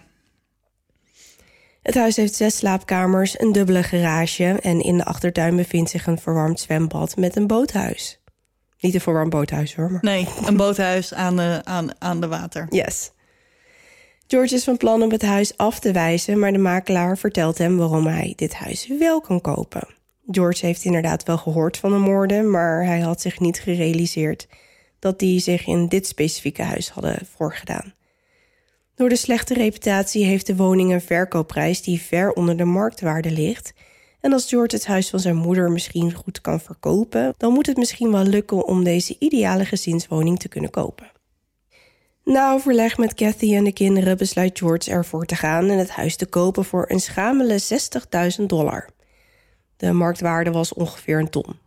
Dus, Oh, ja. Dus nou ja, 40.000 dollar eraf. Ja, Hmm, dat is niet verkeerd. Nee. Op 18 december 1975 trekt het gezin samen met hond Harry in een nieuwe woning. Het is vlak voor kerst en behoorlijk druk door de verhuizing, maar toch is het gezin in opperbeste stemming. Ze willen voor kerst klaar zijn met de inrichting van het huis en hebben een familievriend uitgenodigd om te komen eten. Deze vriend, zijn naam is helaas onbekend, heeft ook van de moorden gehoord en hij staat erop dat het huis eerst gezegend wordt voor zijn komst. Oké. Dus leuk man, ik nodig jou Ja. uit en je zegt nee. Liever niet. Ik, Eerst ik- moet je je huis zegenen, anders kom ik niet hoor. Ja. Nou ja, hij zal misschien... Misschien eh, Ja, is het ergens op gebaseerd. In je voorgevoel. ja, misschien wel. George is methodist, als ik het goed uitspreek. Ja. Het methodisme is een stroming van het protestantisme. Het is voor mij een heel ingewikkeld woord, met allemaal T's erin. En het legt vooral veel nadruk op de persoonlijke beleving... en het streven naar morele en geestelijke volmaaktheid. Dus in mijn hoofd ben je dan meer spiritueel bezig dan... Echt goddelijk. Ja. Maar goed, de enige priester die George kent is katholiek. Dus wordt vader Ralph Pecoraro gebeld en die stemt toe om het huis te komen zegenen. De zegening begint in het naaiatelier. En waarom het huis dan weer een naaiatelier heeft... Misschien was dat... heb jij er- daarover gelezen Nee, in jouw... ik, ik- nee, ik heb verder ook helemaal niks over het huis. Ja, ik wist dat er een boothuis bij zat. Mhm. Maar in mijn onderzoek is er niet iets Nee, specifieks met een naaiatelier. nee. Nee. Nee. En ook omdat de moorden natuurlijk in alle slaapkamers zijn gebeurd en Mhm. niet beneden. Nee, Ik ga er nu vanuit dat het naaiatelier beneden is. Maar ik weet het niet precies, maar er was in ieder geval een naaiat. ja. Goed, vader, vader Ralf dus, die, gaat het, eh, die begint daar. Mhm. Het is er ongewoon koud. Hoewel het winter is, schijnt het zonnetje buiten en is het wel een warme dag. Je weet wel, zo'n lekkere Ja, zonnige frisse- winterse dag, weet je wel. In de kamer hangt een dreigende atmosfeer. Vader Ralf is bezig met zijn gebeden en het sprenkelen van wijwater... als hij ineens een klap in zijn gezicht voelt. Zo'n enorme zo'n pat. Ja. Wel schrik laat hij bijna zijn wijwater vallen en verbaasd kijkt hij om zich heen. Hij is echt helemaal alleen in de kamer. Vader Ralph herpakt zich en wil verder gaan met zijn gebeden als hij een diepe stem in zijn oor hoort schreeuwen: Ga weg! En weer voelt hij een klap in zijn gezicht. Zo, wat een agressie gelijk. Ja, man. Vader Half wankelt en zonder nog een woord te zeggen pakt hij zijn spullen en verlaat het huis. Zou ik ook doen. Ik ook. In het voorbijgaan zegt hij tegen George dat ze maar beter niet in deze kamer moeten gaan slapen. George, die net Harry van een verstikkingsdood heeft gered, want de hond was met halsband en al over het hek gesprongen, waardoor hij zichzelf per ongeluk had, Had opgehangen. opgehangen. Ja, die begrijpt vader Ralph niet en kijkt hem verbaasd na als deze op een drafje het huis verlaat. Kerst komt en het gezin slaapt de eerste nacht in het nieuwe huis. Iedereen moet wennen aan de nieuwe omgeving en ze horen veel vreemde geluiden. Het opengaan van deuren, voetstappen op de trap en gekraak uit de muren. Ook hangt er soms een ranzige lucht in het huis en George lijkt een vreemde gewoonte te ontwikkelen. Hij wordt sinds de aankoop van het huis iedere nacht stipt om kwart over drie wakker. Ja, dat, eh, dat hebben we eerder gehoord. De volgende nacht wordt George wederom om kwart over drie wakker als hij een dreun hoort van buiten. Kathy ligt te slapen en heeft het lawaai niet gehoord. Meteen klinkt er een bons op de voordeur beneden. George schiet omhoog en springt uit bed en trekt zijn ochtendjas aan. Hij loopt naar het raam en knijpt zijn ogen samen om de tuin te kunnen onderscheiden in het donker. Boven hem klinkt nu weer een klap en automatisch zet George zich schrap, alsof hij verwacht dat er iets naar beneden zal vallen. Hij kijkt weer naar buiten en ziet dan plots een donkere schaduw bij het botenhuis bewegen. Waar de hel is Harry, denkt George. En weer klinkt er een klap, dit keer van een deur die dichtslaat beneden. Nu slaat Harry wel aan en begint luid te blaffen. De schaduw die George eerst bij het boothuis zag, beweegt nu richting Harry, die ondertussen wild blaffend op zijn achterpoten staat, alleen nog tegengehouden door zijn halsband. George gooit het raam open en roept: Pak hem, Harry! en rent dan naar beneden. In zijn ochtendjas alleen en op blote voeten rent hij de voordeur uit en grijpt in het voorbijgaan een stuk haardhout en sprint richting Harry. Maar halverwege die sprint ziet hij de reden van de schaduw en mindert vaart. Het is de deur van het boothuis. Oh. Blijkbaar is deze opengewaaid en staat nu half open. Goed zo, jongen, zegt George tegen Harry en hij keert terug naar het huis. Later in bed zegt George tegen Kathy, die wakker geworden is, dat ze gewoon weer moet gaan slapen en dat hij goed voor hen zal zorgen. Maar de dagen erna begint George te twijfelen aan die belofte aan Kathy. Hij voelt zich de hele tijd zo vreemd. Hij krijgt het maar niet warm en voelt weinig behoefte om zichzelf te verzorgen. Hij betrapt zichzelf erop dat hij zich vaak afzondert van de kinderen en veel in het boothuis te vinden is. Maar wat hij daar nou precies doet, dat weet hij zelf ook niet echt. Ook Kathy lijkt zichzelf niet. Ze heeft al een paar keer ruzie gehad met de kinderen en ze heeft één van hen zelfs met een houten pollepel een map verkocht. Het Dit- ging niet erg hard. ja, ik, maar echt spijt voelt ze ook niet. Ook ruikt Kathy vreemde luchtjes in het huis, vooral van een parfum dat niet van haar is. Ze vertrouwt George blind, dus dat is niet echt een probleem. Wat wel een probleem is, is dat zwarte water in het toilet en wat er uit de douche komt zetten. Voor de tweede keer deze week moet de loodgieter komen. Is het echt zwart water? Ja, Dus niet ehm, als er bijvoorbeeld roest in de kraan zit. Nee. Of ik heb ook wel eens in bijvoorbeeld landen als Colombia en Nicaragua gehad... dat je dan de kraan overzet. ja dan moet je eerst even vijf minuten Ja, spoelen. dan komt er bruin water uit, ja. Maar nee, nee, dan, nee, eh, dit, dit leek wel teer. Gewoon vloeibaar ja, teer of zwart, zo. ja. Ook Melissa, dat is het jongste meisje, Ja. eh, gedraagt zich vreemd. Ze lijkt soms tegen iemand te praten die er niet is. Soms horen ze haar s'nachts fluisteren en giechelen op haar kamer. Als George en Kathy haar vragen waarom ze dat doet, vertelt het kleine meisje dat ze een nieuw vriendje heeft gemaakt. Hij woont ook in dit huis en wil graag in haar kamer slapen. Zijn naam is Jody en hij ziet er een beetje uit als een varken. Maar dan groot. En een beetje eng. Met rode ogen. Oh. Oh. Kathy schrikt, eh schrikt nogal van deze omschrijving. Ik ook. Ik zou echt een rolberoerte krijgen, maar prima. Ik moet hem zelf even onder controle krijgen, geloof ik. Ja, geef niet hoor. Ik ga gewoon door. Maar goed, Kathy gooit het op kinderlijke fantasie en laat het erbij zitten. Wanneer Melissa haar vertelt dat Jodie met haar praat over het kleine jongetje wat hier eerst woonde en toen doodging, voelt Kathy paniek opkomen. De. Ja. Maar George lijkt steeds meer onbereikbaar en ze weet niet wat ze met de situatie aan moet. Wat ook niet in de haak lijkt, is dat de kinderen steeds vaker op hun buik slapen. Iets Oh. wat ze voorheen niet deden. Uh-oh. Ja. Kathy voelt zich vaak alleen in het grote huis. Iets wat ze nooit had verwacht. Dit is tenslotte het huis van haar dromen. Als op een middag de was aan het vouwen is in de keuken, voelt ze ineens een hand op haar schouder. Kathy schrikt en denkt dat het een van de kinderen is, maar ze is alleen. Vreemd genoeg voelt de aanraking niet als vervelend, eerder als troostend. Toch zit het haar niet lekker, zeker niet als ze een paar uur later nog een keer dezelfde aanraking voelt. Er lijkt ook iets vreemds te zijn met de telefoon. Die gaat vaak over, maar als Kathy opneemt, hoort ze alleen ruis en daarna een kiestoon. Als ze dan weer ophangt, gaat de telefoon gelijk weer over, maar er is niemand aan de andere kant van de lijn. Als ze vader Ralph probeert te bellen, hoort ze wel iemand hallo roepen en haar naam. Maar daarna is er niks anders meer dan ruis en een kiestoon. Een aantal dagen later brengt George zijn zoon Daniel naar bed. Dat is dus niet zijn echte zoon, maar... Nee, van maar- Kathy. ja, maar ehm, de jongens zijn geadopteerd, dus eigenlijk, ja, ze noemen hem ook papa en zo. Ja. De jongen wil net in bed stappen als zijn gezicht vertrekt en zijn ogen groot worden. George kijkt om en ziet wat zijn zoon ook ziet. Een varkensachtig wezen met bloedrode ogen staat naar hen te kijken. George's hart begint wild te kloppen, zijn ademhaling slaat op hol en hij voelt zich ijskoud worden. Ze horen een varkensachtig geluid en het wezen draait zich om. Daarna is het verdwenen. Daniel, te bang om te slapen, blijft die nacht bij zijn ouders. Kathy ziet het wezen later ook. Ze wil bij Melissa kijken die alleen op haar kamer is. Ze hoort het meisje een liedje zingen en loopt de kamer binnen. Verontwaardigd laat Melissa haar moeder weten dat ze nu Jodie heeft laten schrikken. Kathy kijkt de kamer rond en verzekert Melissa dat er echt niemand is, ook Jodie niet. Maar het kleine meisje wijst naar het raam. Jodie is uit het raam gegaan, mama.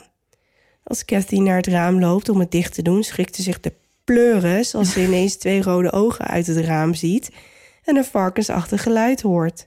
Snel klapt ze het raam dicht, grijpt Melissa en rent de kamer uit. Dat is, ze gaan wel lekker daar. Ja, en dat allemaal binnen, wat is het, Twee, tien, twee, tien dagen of Ja. zo, hè? De situatie gaat van kwaad tot erger. In de dagen die volgen lijkt het gezin uit elkaar te vallen. Ze horen gebonk, geklop, de lampen slingeren heen en weer... en George ziet een kruisbeeld ondersteboven hangen. dat is echt nooit een goed teken. Nee. Ook zijn er cold spots in het huis. Soms wordt het er ineens erg koud in een bepaalde kamer en voelt het er erg onprettig.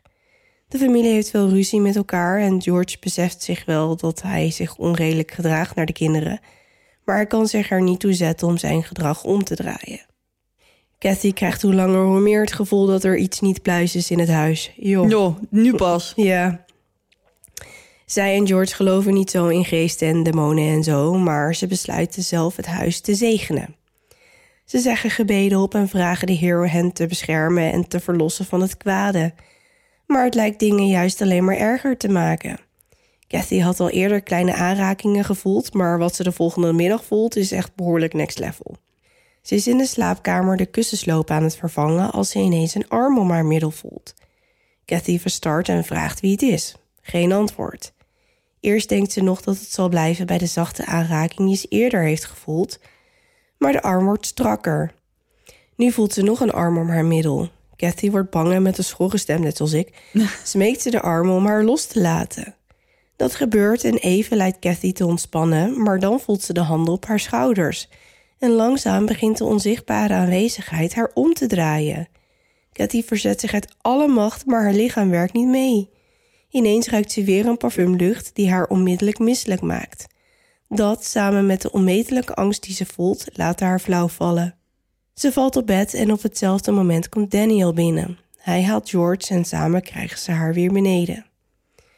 Voor Kathy is de maat nu vol. Ze wil dat George vader Ralph belt. Samen staan ze bij de telefoon als George zijn nummer draait.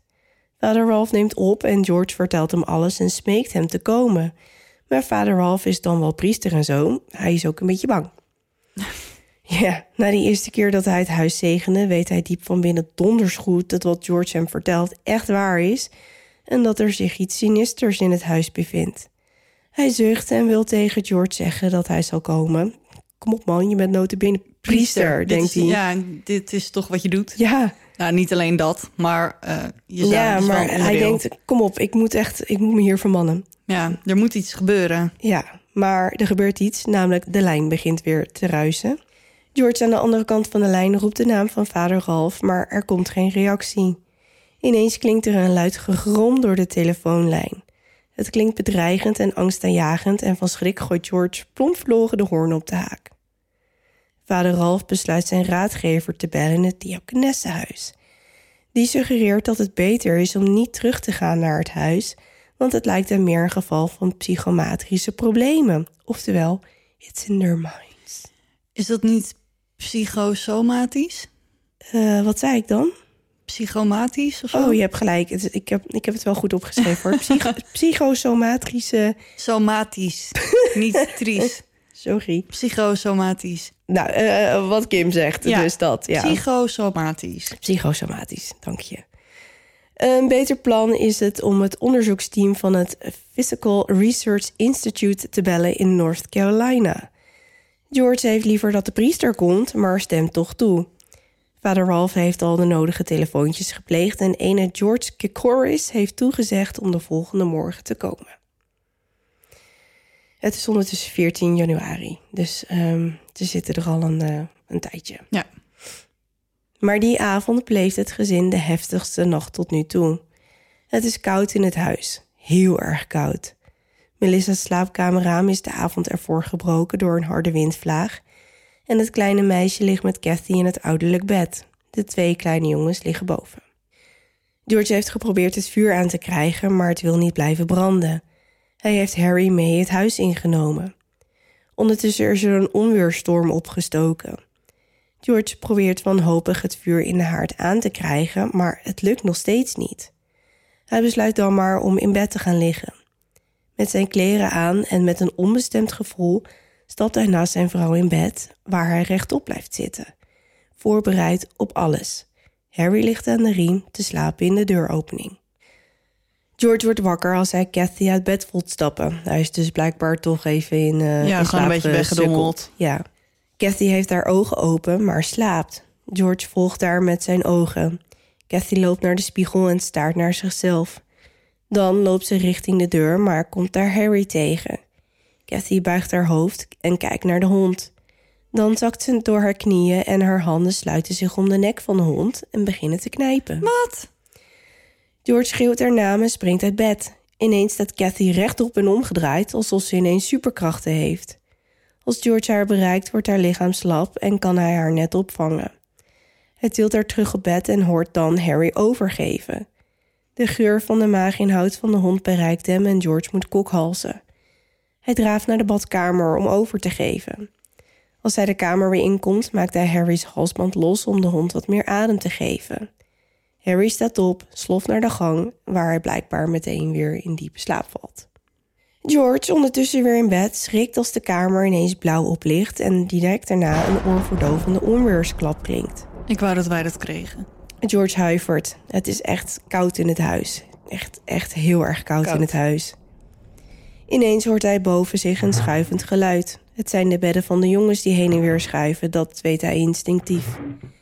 George krijgt het ijskoud en de angst neemt het over. Beneden hoort hij nu stemmen. Hij kan niet verstaan wat ze zeggen, maar de stemmen worden wel luider. Weer een flits en het gedonder van onweer en met een enorme klap vliegen alle laden van alle kasten tegelijkertijd open in de kamer. Ehm, George, nu doodsbang, sluit zijn ogen. Zijn hart bonkt in zijn keel. Ineens voelt hij een aanwezigheid bij hem op bed. Iets bekruipt hem en duwt hem het matras in. Hij voelt poten. Iets met poten is bovenop hem gesprongen. En hij hoort een beestachtig geluid en dan valt hij flauw. George wordt wakker geschud door Chris en Daniel. De kinderen zijn in paniek en doodsbang. George schiet overeind en ziet in zijn ooghoek Harry in de gang, laag bij de grond naar iets grommen en met zijn tanden ontbloot. George kan niet zien waar Harry naar gromt en hij wil het ook niet weten. Ze moeten hier weg, nu meteen. Hij rammelt Cathy door elkaar en sommeert haar om Melissa op te pakken, maar ze wordt niet snel genoeg wakker. George paniekt nu volledig en sleurt Melissa uit bed en duwt haar in Daniels armen. Rennen, roept hij, naar buiten. Daniel zet het op een lopen en Chris volgt gelijk zijn broertje. George rent om het bed heen, glijdt uit over het kleed, maar herstelt zich en trekt Cathy omhoog uit bed. Als een echte brandweerman gooit hij haar over zijn schouder, holt de kamer uit de gang op, roept Harry met hem mee te komen en rent de trap af. Buiten staan de kinderen. Daniel en Chris bang en Melissa huilend. George rent naar de auto met de kinderen in zijn kielzog. Hij trekt de passagierskant open en gooit Cathy de auto in, die nog steeds niet wakker is, lijkt het. Dan trekt George de achterdeuren open en helpt de kinderen de auto in. Het regent en het onweert nog steeds en George is binnen de kortste keren kleddernat. Daarna trekt hij een sprintje om de auto heen en gaat achter het stuur zitten. De auto start en met piepende banden maakt George een enorme draai over het gezon en trapt het gas in. De familie Lutz heeft het 28 dagen volgehouden in het huis aan Ocean Avenue. En dat was het verhaal van de familie Lutz. Ja. Dus, nou komt het. Ja. Want de devil made me do it theorie. Wat zij zeggen is dat het huis dus een, een bezeten is. Ja. Door een varkensachtig wezen dat Jodie heet. Ja. En toen jij, toen jij begon over... oh, je begon met Joe. En toen dacht ik, misschien is het John. Want zo heette een van die kleine jongetjes van Mhm. ehm, Ja, een van de broertjes. een van de broertjes. Toen dacht ik, Jody? John, Jodie. Ja. Maar ja, dat is geen varken. Dus Nee. dat- nee. Nee. Nee, en weet je wat het is? Er zijn eh, heel veel theorieën over dit huis. Sommige mensen zeggen dat het een complete hoax is. Ja. Ehm, maar dat zou dan vooral komen door de advocaat van ehm Butch? Butch. William Webber? Precies. Ehm, want hij dacht in eerste instantie toen dit verhaal bekend werd... nou, dat is mooi. Dan kan ik die theorie mooi gebruiken om eh Butch vrij te pleiten. Ja. Of in ieder geval ontoerekeningsvatbaarheid ehm, Aan te tonen. aan te tonen. Maar op het moment dat eh, deze William Webber een boek wilde gaan schrijven over deze hele zaak, ehm, was iemand anders hem voor, waardoor er een soort van wrok ontstond en dat hij daarna riep: Jongens, het is allemaal niet waar, want hij was te laat met zijn boek en Ja. toen was het ineens allemaal niet meer zo waar. Ja. Ja, en het is heel... Kijk, je zou zeggen dat... Ik bedoel, Butch is over de jaren heen... door de jaren heen met enorm veel verklaringen gekomen. De een nog Mhm. gekker dan de andere. ja, Maar je zou zeggen dat als zeg maar dat varken, die Jody, zo prominent aanwezig is in dat gespook. Je zou toch denken dat dat Butch dan ook iets. Want het enige wat hij zeg maar heeft gezien is een soort van demonisch wezen met een kap over zijn hoofd en zwarte handen. En ja, dat is dan weer niet echt een varken. Nee, maar misschien dacht deze demon: ik, ik, ehm, ik neem nu deze houding aan, dat ik dat meisje minder bang maak of zo. Ja, Maar ik heb nog nooit gehoord van een demonisch wezen in de vorm van een varken. Jij? Mm, nee. Nee, dit is wel de eerste, denk ik. Nou ja, ehm, ehm, wat ik net al zei, mensen gingen op een gegeven moment zeggen dat het een, dat het een hoax was en weet ik veel wat. Dus de, eh Kathy en eh, George hebben een leugendetectortest afgelegd. Want zij beweren bij hoog en bij laag dat het dat, wel waar, waar, dat, het wel waar is. was. Maar ze zijn daar wel voor geslaagd. Ja, En nou hebben we het de vorige keer er wel over gehad dat je wel Ja, manieren je kunt kan manieren bedenken, bedenken om, er, om, om ze om de tuin te leiden. Ja, en, maar volgens mij, kijk, dat een geharde cr- Crimineel. crimineel. dat voor elkaar krijgt, ja, of, of een pathologisch leugenaar, dat kan nog wel inkomen. Maar gewoon twee doodnormale mensen, ja, dat is toch, dat is toch raar? ja, super raar. Maar ja, ook nu weer. We zullen het nooit weten, denk ik. Nee, en dan is er nog een. ehm, Want wat is er nu met dat huis? Is dat, wonen daar mensen? ja, ja, ja, sterker nog, in 2013 of zo is het weer op de markt gekomen. Ja, Eh, dus, dus er zijn ondertussen wel wat veranderingen aangepast. Dus de iconische halve ronde ruiten bovenin. ja, Als je de foto's ziet, dan snap je meteen wat ik bedoel. Die zijn vervangen door vierkante ruiten. En ehm, ja, het is wel wat gemoderniseerd. Maar alle gezinnen die eh, na de familie Lutz in het huis hebben gewoond... claimen allemaal dat ze nergens last van hebben. last van hebben. Hm. Maar aan de andere kant, ehm Ed en Lorraine Warren... Ja, Nou ja, de bekendste demonologist, zeg maar. Ja. ik kan het op zijn Nederlands niet uitspreken. Laat staan op zijn demonoloog? demonoloog. Heel, dank je. Dat klinkt nog echt best wel eh, ergens naar. Anyway, zij zijn... ehm, eh, hoe zeg je dat? Beproefd en befaamd? eh, zeg je ja, dat zo? of berucht? Nou ja, eh, sommige mensen geloven heilig in hen. Zij Ja. onderzochten tijdens hun werkzame leven, Leven. allemaal zaken, ja, paranormale zaken. En zij hebben dit huis onderzocht. En Lorraine heeft wel eens gezegd dat dit huis haar voor altijd bij zal blijven.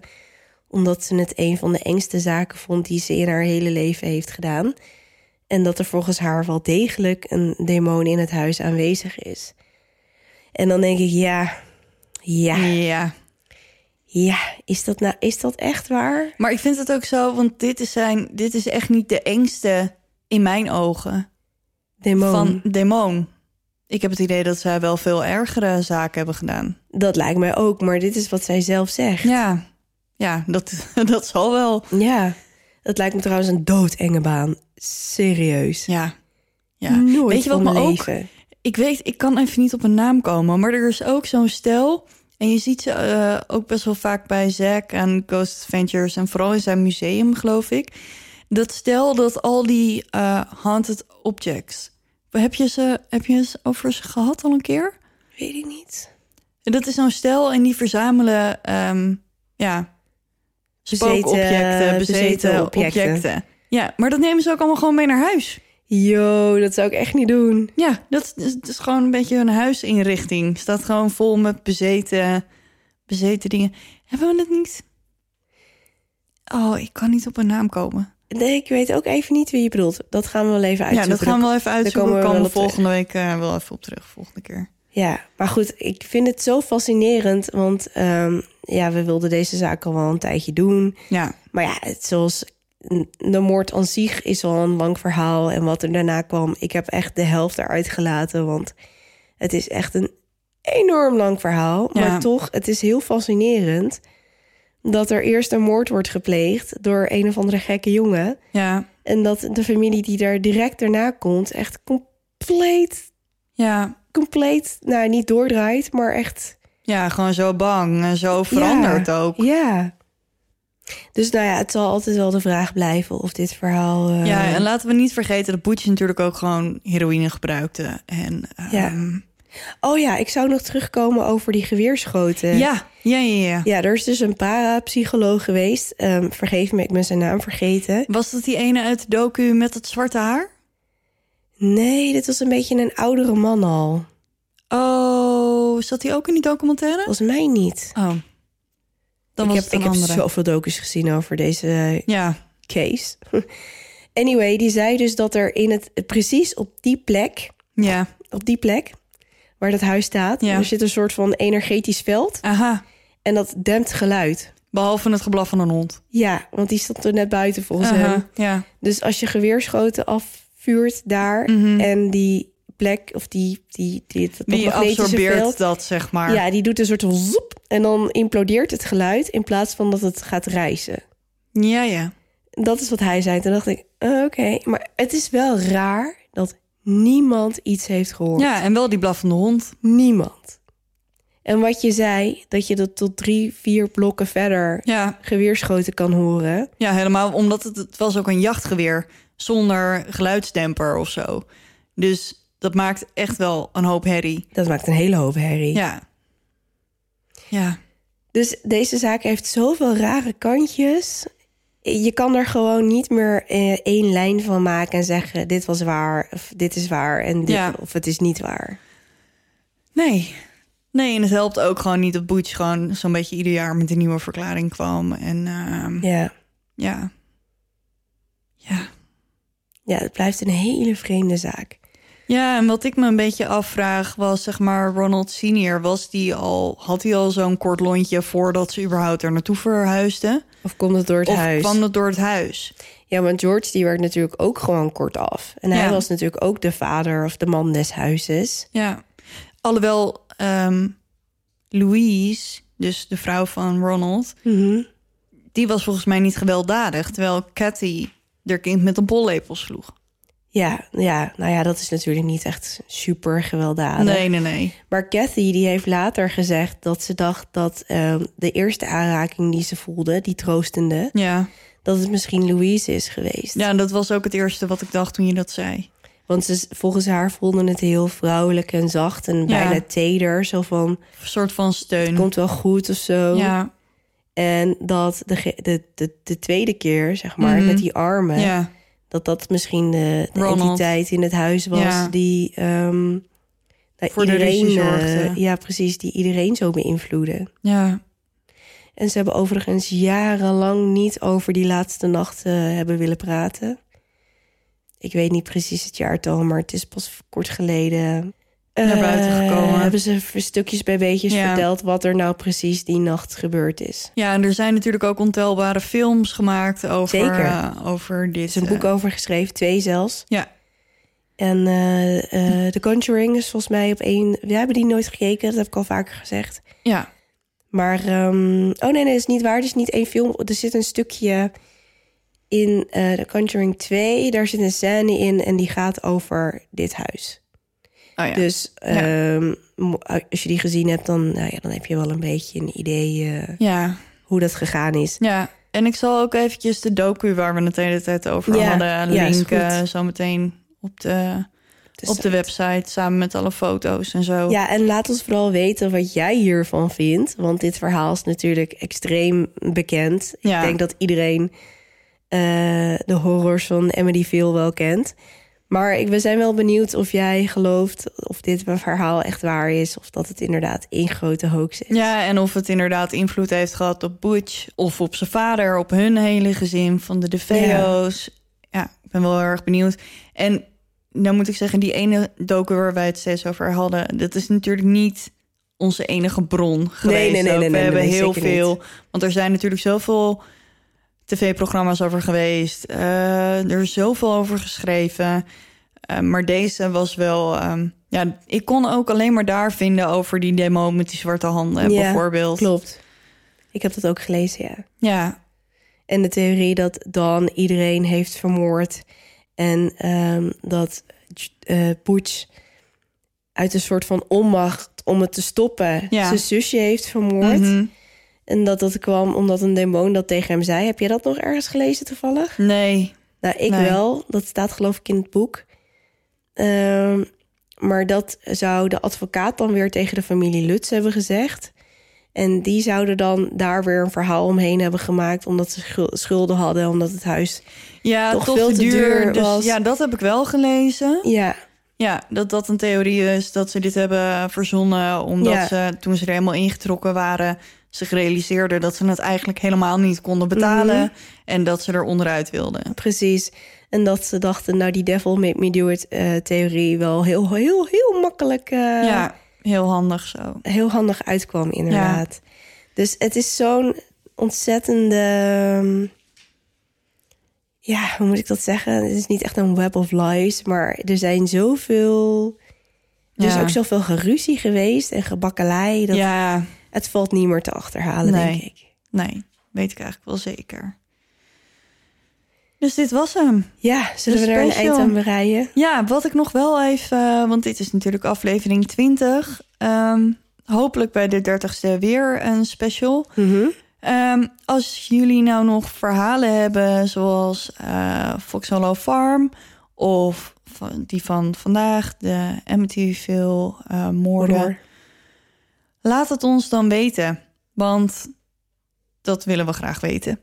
ja, ik, ik wil dan wel iets anders zeggen, maar zeg maar verhalen waarbij onze, ver, ja, onze expertises Oh, ehm, samenkomen. Dus een moord gevolgd door spoken. spoken. Of een hunting. Of... Of een mysterie, eh, gevolgd door spoken. Maar nou ja, zo, jullie weten het nu wel.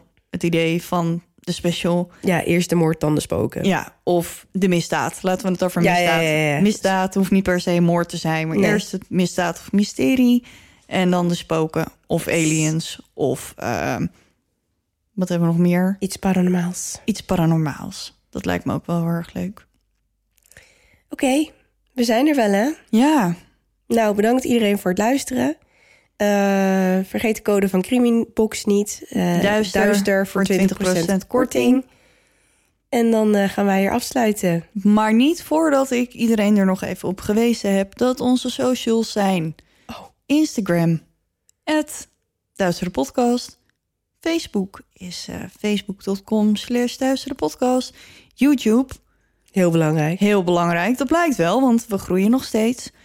Duistere Podcast. En dan hebben we nog de website met ons invulformulier. Dus daar kan je ons ook altijd bereiken als je geen social media hebt. Daar kan je ook alle foto's bekijken, alle bronnen die we gebruikt hebben voor deze zaak. En de documentaire gaan we er even opzetten voor Yes. jullie. Nou, in ieder geval de link. De link, ja. Ja, want de hele documentaire, dat is wel eh, dat is 50 minuten. Nee, maar we hebben tegenwoordig uitgevonden dat we gewoon ehm, de filmpjes kunnen embedden in de website. Oh ja, dus je hoeft niet meer op zo. de link te klikken. Je kan nu gewoon... Eerst verdween hij namelijk tussen alle andere linkjes. Maar nu Oh. hebben we uitgevonden dat we hem gewoon... Dat je alleen nog maar hoeft... ehm, dan staat hij er al. Oh, top. Ja. Nou, bedankt voor het luisteren iedereen. Mijn stem begint af te takelen, dus ik denk dat het Ja. tijd wordt om, eh om ermee te stoppen voor vandaag. Dus bedankt voor het luisteren. Ik hoop dat jullie ervan genoten hebben. En tot de volgende keer. Ja, tot de volgende keer. En onthoud, Blijf in het licht, want je weet nooit wat er in het duister op je wacht.